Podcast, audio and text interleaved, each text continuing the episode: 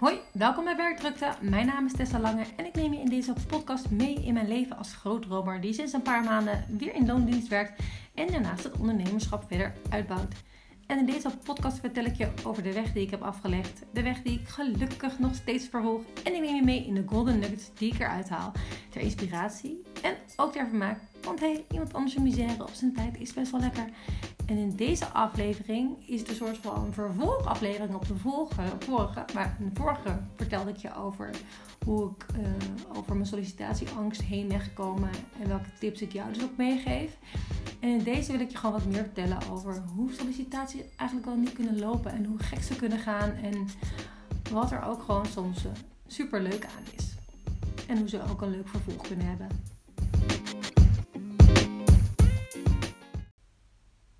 In deze aflevering wil ik je graag meenemen in de gekke dingen die er af en toe gebeuren in solliciteren.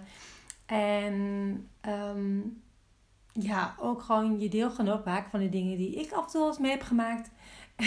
en, ook, en, dat je dus vooral ook niet te veel.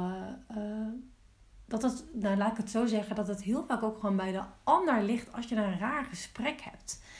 Um, en natuurlijk, je bent altijd met jezelf en de andere kant van de, van de tafel. En samen maak je een gesprek. Zoals elk ander gesprek ook is. En een sollicitatiegesprek is vaak een. Um, kan meer voelen als een gesprek. Alsof je bij een ballotagecommissie komt of een soort van kruisverhoor. Maar dat is echt niet oké. Zo zou een sollicitatiegesprek echt niet moeten gaan. En als je je goed voorbereid hebt en je bent zoveel mogelijk jezelf. En, en je, dat betekent niet dat je niet zenuwachtig moet zijn. Want nog een extra tip misschien. Ik heb vaak genoeg gezegd dat als ik. Uh, hè, uh, sorry, soms praat ik wat sneller. Zeker als ik wat zenuwachtig ben. Dus dat is nu helemaal uh, aan de orde. Ik zeg dat gewoon. Want dat begrijpen mensen. Mensen begrijpen dat je zenuwachtig bent als je gaat solliciteren. En als je het vertelt, dat haalt gewoon de lading uit de, uh, uit de lucht. Dus dat is gewoon echt een leuke tip. Um, die ik echt, nou, zeker toepas. En ik, ik wil je graag meenemen. De meest rare sollicitatie die ik ooit heb gehad, was dus ook, uh, nou, dus al tien jaar geleden. Na het moment dat ik dus besloot, mijn sollicitatieangst bij deze is de deur uit, mocht ik um, voor een ander traineeship ook nog op gesprek komen volgens mij in de eerste of tweede ronde. De, eh, eerste ronde in ieder geval met, hè, tegenover iemand zitten. En ik had al een, niet een heel goede relatie opgebouwd met, uh, met de dame die daar zeg maar verantwoordelijk voor was. Voor het hele aannameproces van het traineeship. Ze, ze hadden namelijk de regel ingesteld. Je, komt, uh, je wordt uitgenodigd voor een ronde en je kan die ronde niet verzetten. En je kan dus niet aangeven dat ik, ik wil graag bij een volgende ronde meedoen. Hè, want deze datum komt me niet uit. En ja, weet je, dat vind ik zo'n monopoliepositie misbruik. Ehm, daar begrijp ik dus echt helemaal niks van. Zeker niet omdat er meerdere rondes waren. En ze hadden gezegd, we gaan door totdat we het correcte aantal geschikte kandidaten hebben gevonden. Nou, super. Hè? Dus dat betekent dat je toch doorgaat doordat je de juiste mensen hebt gevonden. Dat betekent dat als ik mezelf een ronde naar achter plaat, dan, eh, dan, dan maak ik mijn kans op dat ik erbij zit, kleiner. Dus wat is het probleem, denk ik dan? En ik had op een gegeven moment, dus voor mijn onderzoek, voor mijn afstudeer, had ik uh, een dag gepland staan waar ik, uh, ik deed onderzoek, onderzoek naar, naar um, workshop participant engagement. Um, en er waren op die dag was er een workshop gepland waar ik bij zou zijn, waar ik data zou gaan verzamelen. Dus ik dacht, ja, ik ga het toch maar vragen. Want ja, dit is, ja, um, ik moet toch een aantal, uh, ik moet toch mijn data bij elkaar vinden. En ik ga er toch vanuit dat mensen dit begrijpen. Nou, dat was echt not on. Ik, dat ik het überhaupt uh, uh, uh, gevraagd had, was, vond ze echt belachelijk. Want het was toch wel duidelijk dat, het, dat, dat ze voor mij geen uitzonderingspositie gingen maken. En ik dacht alleen maar, oké, nou oké. Um, toen heb ik uiteindelijk toch besloten om naar die ronde te gaan. En dus mijn workshop te laten schieten. Voor het data verzamelen van mijn, voor mijn afstuderen. Maar ik had al zo'n gevoel. Oh, oh, heeft het nog wel zin überhaupt om te gaan? Want ik ben zo afgesnauwd. Ehm, ja, dit is toch degene die eigenlijk de, de trainees eh, twee jaar lang gaat begeleiden. En die een soort van moeder van de trainees is. Um, ja, heeft het nog wel zin? En ik heb haar dus ook nog echt live gezien. Dus hè, op die dag dat ik dus twee gesprekken had. En ik, het was gewoon zo duidelijk dat ik geen klik met haar had. En zij niet met mij. Het, ik zou twee gesprekken hebben. Het eerste gesprek ging echt heel goed. Heb ik ook in een vorige aflevering over verteld. Toen was er een. Hè, dan zeiden ze echt op een gegeven moment van ja, weet je, we hebben gewoon geen vragen meer. We, weet je, volgens mij het enige wat we nog kunnen zeggen, misschien is het te saai voor je hier. nou, dat lijkt me toch niet hoor. Ik denk ook echt niet dat het zo was geweest. Ehm, maar ik voelde echt me heel erg gesterkt in de. Uh, als ik mezelf ben en enthousiast ben, want ik ben nou eenmaal enthousiast. Weet je, dan kan ik soms gewoon heel erg goed overkomen. En het was echt een heel fijn gesprek. Het tweede gesprek wat ik had, was op een gek, gekke plek in dat gebouw. We moesten ergens op een gegeven moment lopen, lopen, lopen. En toen zei zij, hier moeten we dan even de uh, drink pakken. En dan is het hier nog helemaal deze gang uit, om nog trappen op. Nou, het was echt een heel raar, uh, ver weggestopt hokje. Kan gebeuren. Dus ik had het gesprek, was een stuk minder relaxed dan de vorige. Het was op zich echt wel een prima gesprek. Maar hier merk je alweer van ja, nou blijkbaar ik had een hele goede, goede klik met de vorige mensen. Met deze mensen had ik al net wat iets, iets minder, toch wat, wat zenuwachtiger. Ehm, misschien was mijn houding ook, hè, doordat ik de hemel ingeprezen was in het gesprek daarvoor, voor mijn gevoel, zat ik ook wat anders in de wedstrijd. Hè, dat kan ik mezelf aanrekenen. En ik was best wel veel aan het praten. Nou, gebeurt dat sowieso als ik enthousiast ben? Dat gebeurt gewoon. En ik vroeg op een gegeven moment uh, mag ik nog een glaasje water? En toen zei ik, oh nee, oeh wacht, sorry, nee dat is natuurlijk heel onhandig, laat maar zitten. ik red het wel. Um, want het was heel erg ver weg. Oké, nou prima. Nou, voor de rest een prima gesprek gehad. En ik denk een aantal dagen later werd ik gebeld door de, de dame met de uitslag of ik door was naar de volgende ronde of niet. En die dame dus waar ik dus geen klik mee had, hè, de moeder van de trainees, die eigenlijk dacht dat ik uh, vet brutaal was omdat ik iets had gevraagd waar ze toch echt zeker mij niet als uitzondering zou maken. Um, en als ik er nu op terugkijk, denk, begrijp ik echt wel dat ze voor mij geen uitzondering maken. Maar begrijp ik überhaupt de houding, de monopoliehouding, begrijp ik echt totaal niet. Nog steeds niet. En um, zal ik ook nooit achter staan. En wat ze zei in dat gesprek was als volgt. Ik ga je nu eerst eh, vertellen of je naar de volgende ronde bent, ja of nee. En dan ben ik even stil, zodat jij het even kan laten inzakken wat dat betekent. En laten we het even inzakken. En daarna vertel ik je waarom. Oké. Okay. Wat dacht ik toen, maar oké. Ik weet nog wel, ik zat in de trein. Ik dacht echt, ik weet denk ik het antwoord al als je het zo vertelt. Maar oké. En ze zei, Nee, je bent niet door naar de volgende ronde. En het was stil. Ja, ik dacht, oké, ja, niet door naar de volgende ronde. Oké. En het was stil en het was stil. En op een gegeven moment dacht ik, nou, jezus, hoe lang mag dit duren? Dus ik vroeg, oké, en wat is de reden? Of zoiets, weet ik veel. Ja, nee, wacht nou heel even. Laat het nog even inzinken. En ik dacht echt, waar ben je mee bezig? Ik bedoel, um, ik begrijp dat je dingen uit een boekje leert en het graag op de goede manier wil doen, maar we zijn al heel lang stil. Ik dacht echt, oh my god, ik heb mijn ogen aan het rollen. Deze persoon past echt niet bij mij. En toen zei ze, de reden waarom ik afgewezen was, was omdat het toch onhandig was dat ik om een glaasje water had gevraagd. Terwijl het apparaat echt ver weg stond en dat ik wat wist. En toen dacht ik echt, oh my god, sorry hoor. Ik bedoel, je kan me echt voor allerlei dingen afwijzen, maar door het feit dat ik vraag om een glaasje water, wat onhandig is omdat het een beetje ver weg is, ja, sorry, echt mijn, mijn... Als ik er nu ook aan terugdenk, dan denk ik echt, oh my god, kan je, had je niks beters kunnen bedenken? Ik bedoel, dat was toch echt wel, je had wel iets beter bedenken dan dit. Want als je mensen echt daarop afwijst, dan denk ik echt, oké. Ja, heel onhandig. Nou, ben ik echt, hè, eh, ben ik zeker niet de meest handige persoon. Maar, om, maar dat te koppelen aan het, de vraag, mag ik misschien nog een glaasje water? Waardoor ik meteen, zelf al bedacht, oh wacht, dat is, dat is heel ver weg, laat maar zitten. Dat is niet nodig. Als dat de reden is om iemand afwijzen, sorry hoor. Kijk, ik ben er heilig van overtuigd dat ik afgewezen ben omdat zij me niet erin wilde hebben. En um, dat ze gewoon iets bedacht heeft en andere mensen uh, voorrang heeft gegeven.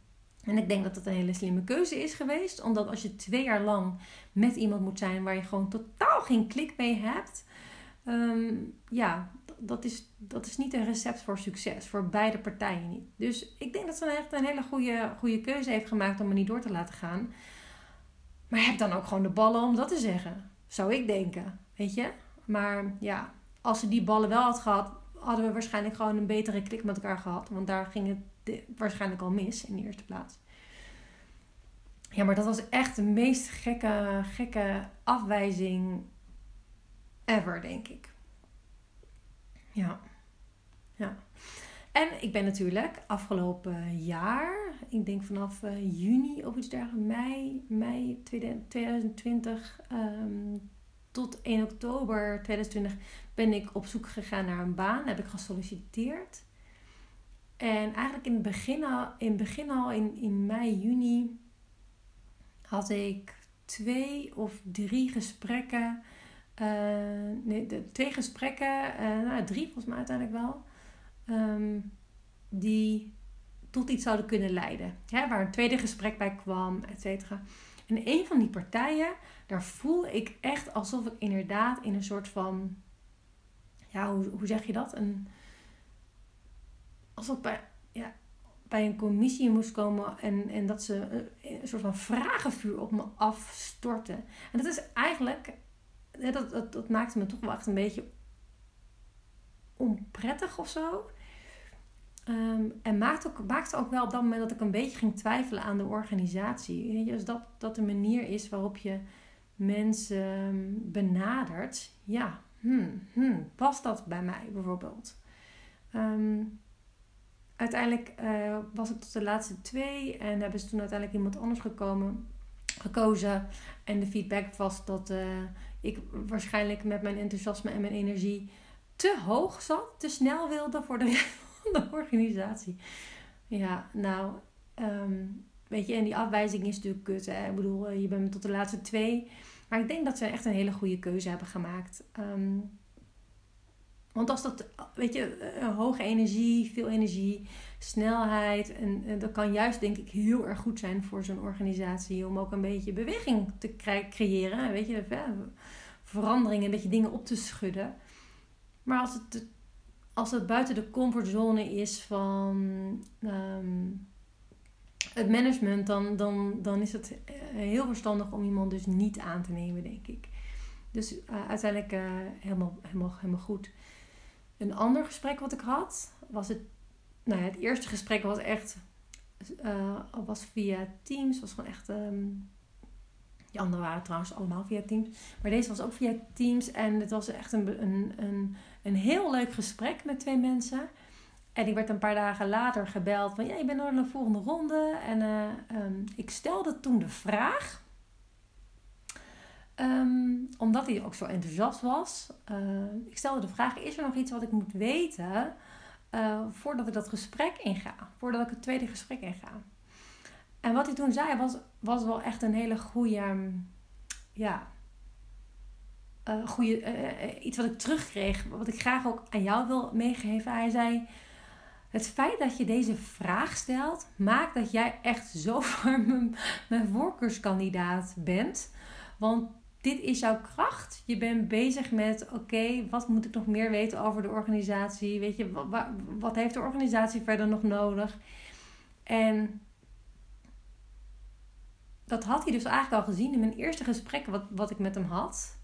Ehm, namelijk, het gesprek was echt mega open. En ik stelde vragen, zij stelde vragen. Ehm, ik liet ook af en toe stiltes vallen als ik over dingen na moest denken. Ik was gewoon helemaal mezelf. En helemaal ehm, op zoek naar, pas ik bij de organisatie, pas ik bij jullie uh, en vice versa. Um,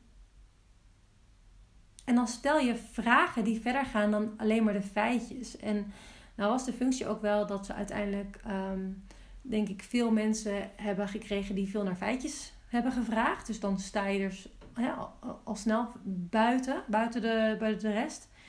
En ik geloof er dan ook een van mijn dingen waar ik heel erg in geloof. Dat het uiteindelijk niet om inhoud gaat, maar om relatie. Maar ik had dus wel een fan. Ik had dan na één gesprek gevoerd te hebben, had ik al een fan ergens erbinnen zitten. Dat was niet uiteindelijk de persoon die, die aan zou nemen, maar wel een fan. Dus super leuk. Um, het, tweede gesprek wat ik vervolgens had was op locatie. En dat was ook een beetje een rare setting, want er waren uh, twee managers. Uh, de ene was de afzwaaiende manager, de andere was de uh, net nieuwe manager. Hij was denk ik net een paar dagen binnen, denk ik. Um, en hij moest in zijn eerste maand meteen iemand nieuw aannemen. En de feedback die ik kreeg, wat sowieso heel erg leuk is natuurlijk, um, van de nieuwe aanzwaaiende, die zei: Ik heb nog nooit zo'n zo'n goede sollicitatiebrief gezien. Nou, dat is natuurlijk al super leuk om te horen. Ik heb trouwens dat best wel vaak gehoord afgelopen jaar. Omdat ik echt mijn enthousiasme in een brief schrijf, echt mezelf laat zien en de haakjes die ik zie met, ehm, met het bedrijf, met de functie, uh, verder kijken. Dus dat raad ik je erg aan.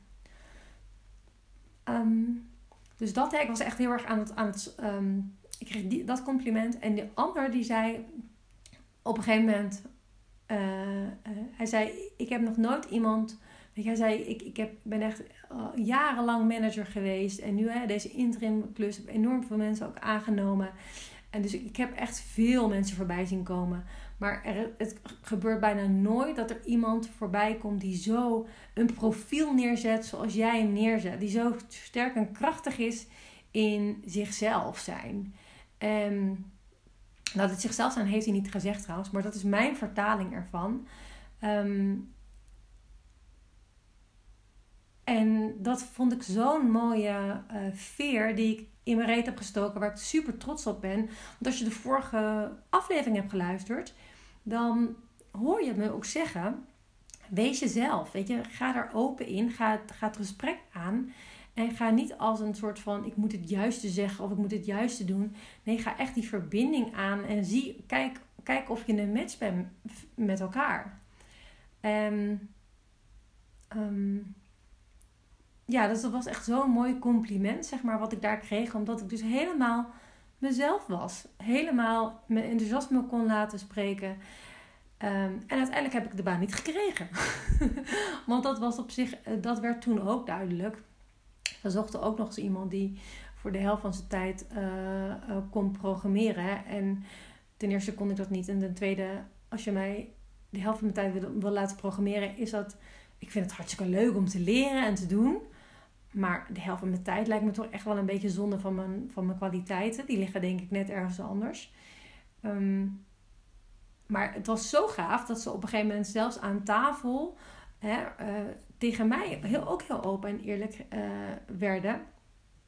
Door te zeggen, ja, het probleem alleen wel is jij, uh, dat het team wil heel graag iemand die kan programmeren. En ik denk dan, heb ik ook gezegd, natuurlijk wil dat team dat.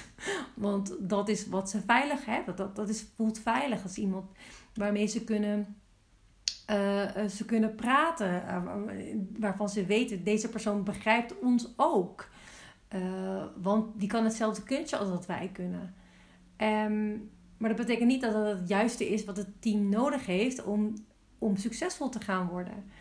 Um, Nee, zeiden ze, dat is helemaal waar. En toen waren ze op een gegeven moment met z'n tweeën nog aan het, aan het, aan het kijken hoe ze de, uh, waar ik bij was, zeg maar, hoe ze de functie nog konden draaien om mij erop te zetten.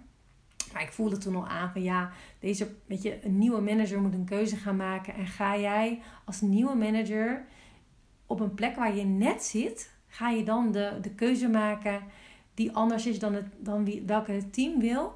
Ik denk het niet. Dus de afwijzing daar kwam niet als een verrassing voor mij. Ik vond het wel echt heel jammer. Um, had het wel echt een leuke, leuke positie gevonden. Ehm, maar weet je, helemaal oké. Daar was dus heel duidelijk.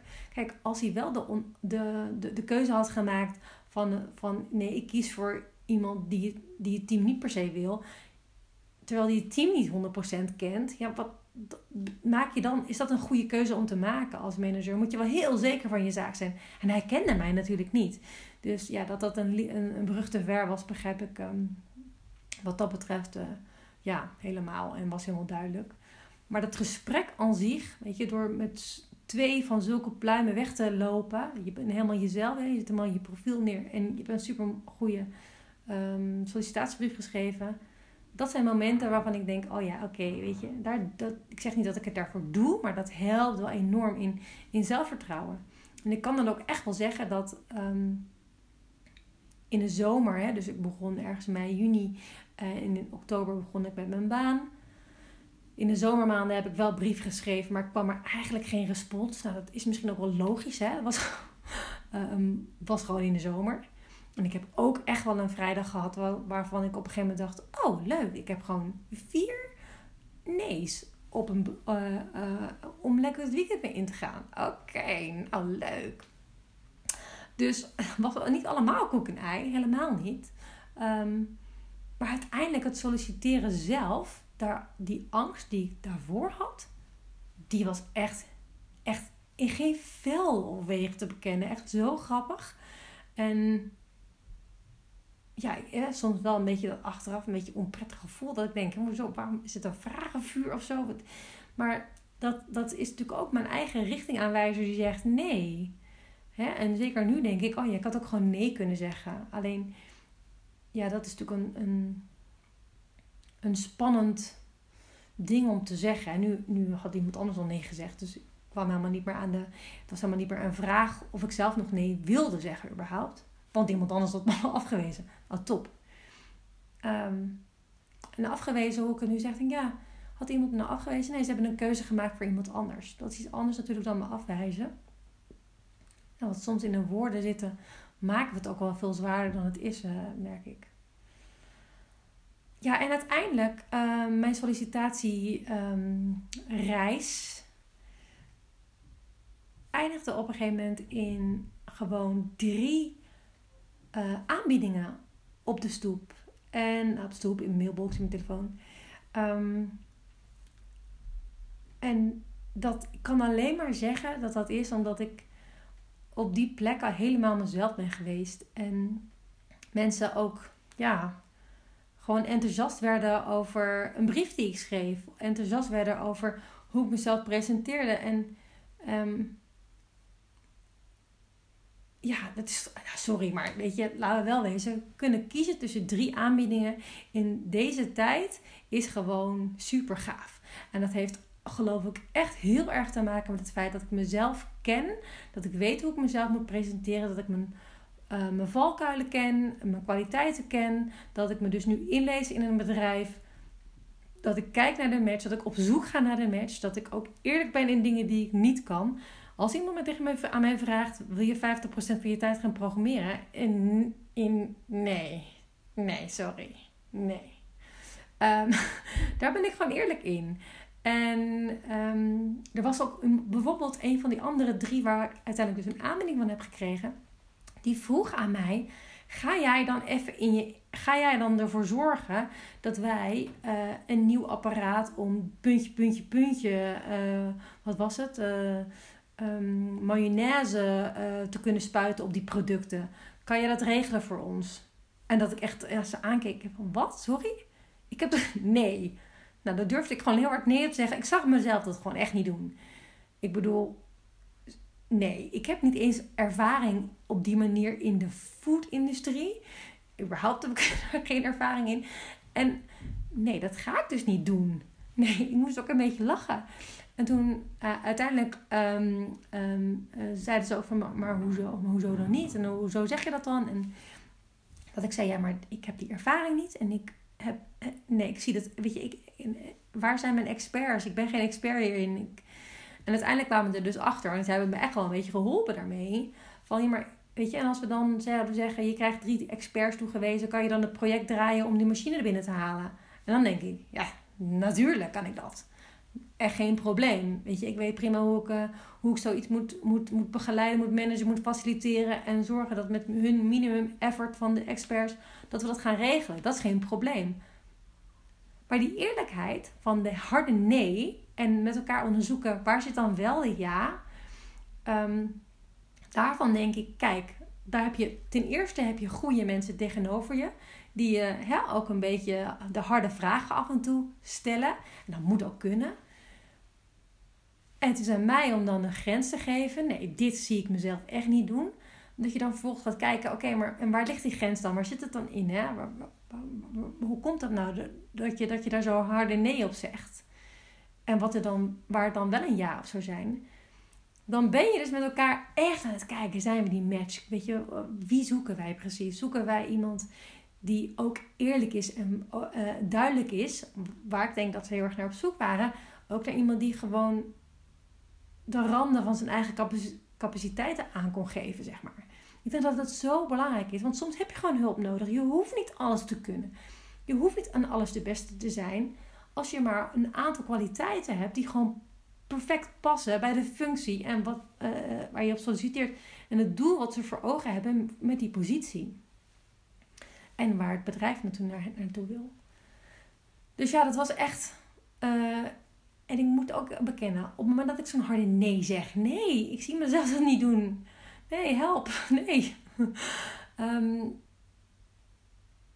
dan denk ik ook, oh my god, ik gooi, nu, ik gooi nu mijn glazen in. Maar wat, maar wat is de andere kant van een medaille? Ja zeggen en me dan super onzeker voelen in die baan. Ja, dat is voor mij echt een no-go. Dat is voor niemand fijn. Dat is niet waarom ze jou willen hebben. Als, het, als ik een nee had gezegd en daarmee was de baan klaar geweest, hadden ze niet, me niet een aanbieding willen doen, dan was dat helemaal oké geweest. Want dan was ik, ik was niet met een, met een leugen, ja als leugen, was ik niet happy geworden in die functie. Dus ja, weet je, en, en het zijn spannende gesprekken, sollicitatiegesprekken. En natuurlijk denk ik ook af en toe van, oh mijn god, nu ga ik iets zeggen. En dan denk ik, oh, ja, ik ga, toch, ik ga toch echt zeggen. Nee, ik ga geen 50%, nee, 50% van mijn tijd programmeren. Nee, ik denk niet dat ik daar, dat, dat echt heel handig is. Vind, lijkt me wel leuk, maar ik denk niet dat dat volledig mijn kwaliteiten hè, ten goede komt. Of voor het bedrijf niet per se het beste is. Oké, dan kiezen we iemand anders. Oké, helemaal oké. Nee, ik durf, nee, ik zie mezelf niet een, een apparaat kopen waarvan ik nog. waar ik de hele business niet van snap. Tuurlijk ga ik dat niet doen. Ehm, en dan toch willen ze, wilden ze me hebben. Dus, weet je, ja. Eigenlijk is dit echt een, een benadrukking.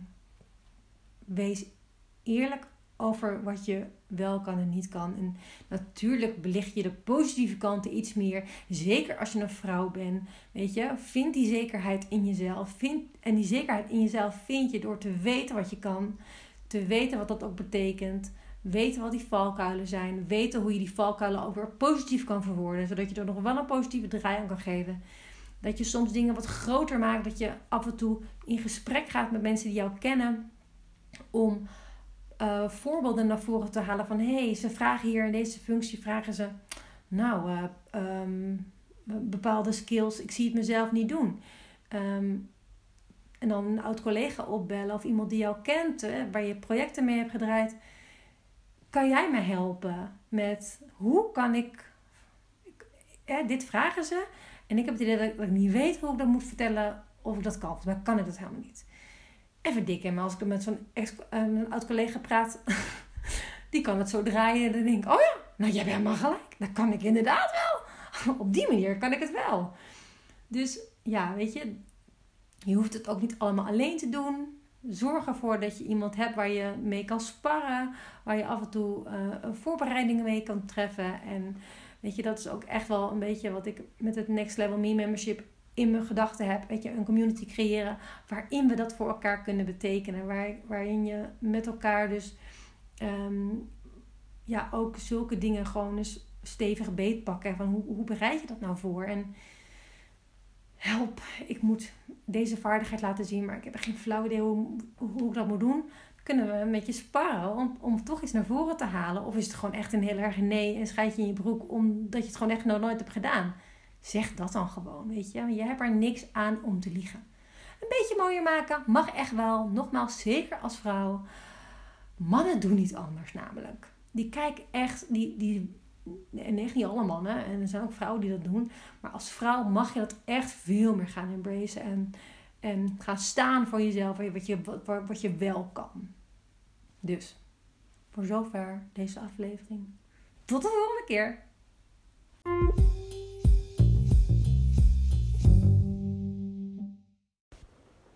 www.divedeep2flyhigh is de website waar je meer kan vinden. Onder andere het gratis e-book wat je kan downloaden. 10 stappen voor young professionals om next level te gaan. Daarin leg ik je de stappen uit die ik nog steeds verder uitdiep om het werk makkelijker, lichter, leuker te maken. En daar kan je de link en informatie vinden over het Next Level Me membership. En we staan helemaal aan de vooravond ervan, dus je kan met de founding members horen. En nu voor slechts 1 euro tot eind februari heb je lid. Kun je daarna beslissen of je blijft of niet. En dan gaan we samen de stap maken naar die next level. Um, en je hebt toegang tot mij. En daarbij de eerste vijf mensen die zich aanmelden, krijgen een week lang Foxer support. En als je dat interessant vindt, de, uh, luister dan even de bonus die er online staat. Wellicht zie ik je in de community, in het membership, Next Level Me membership. En anders uh, tot uh, de volgende keer.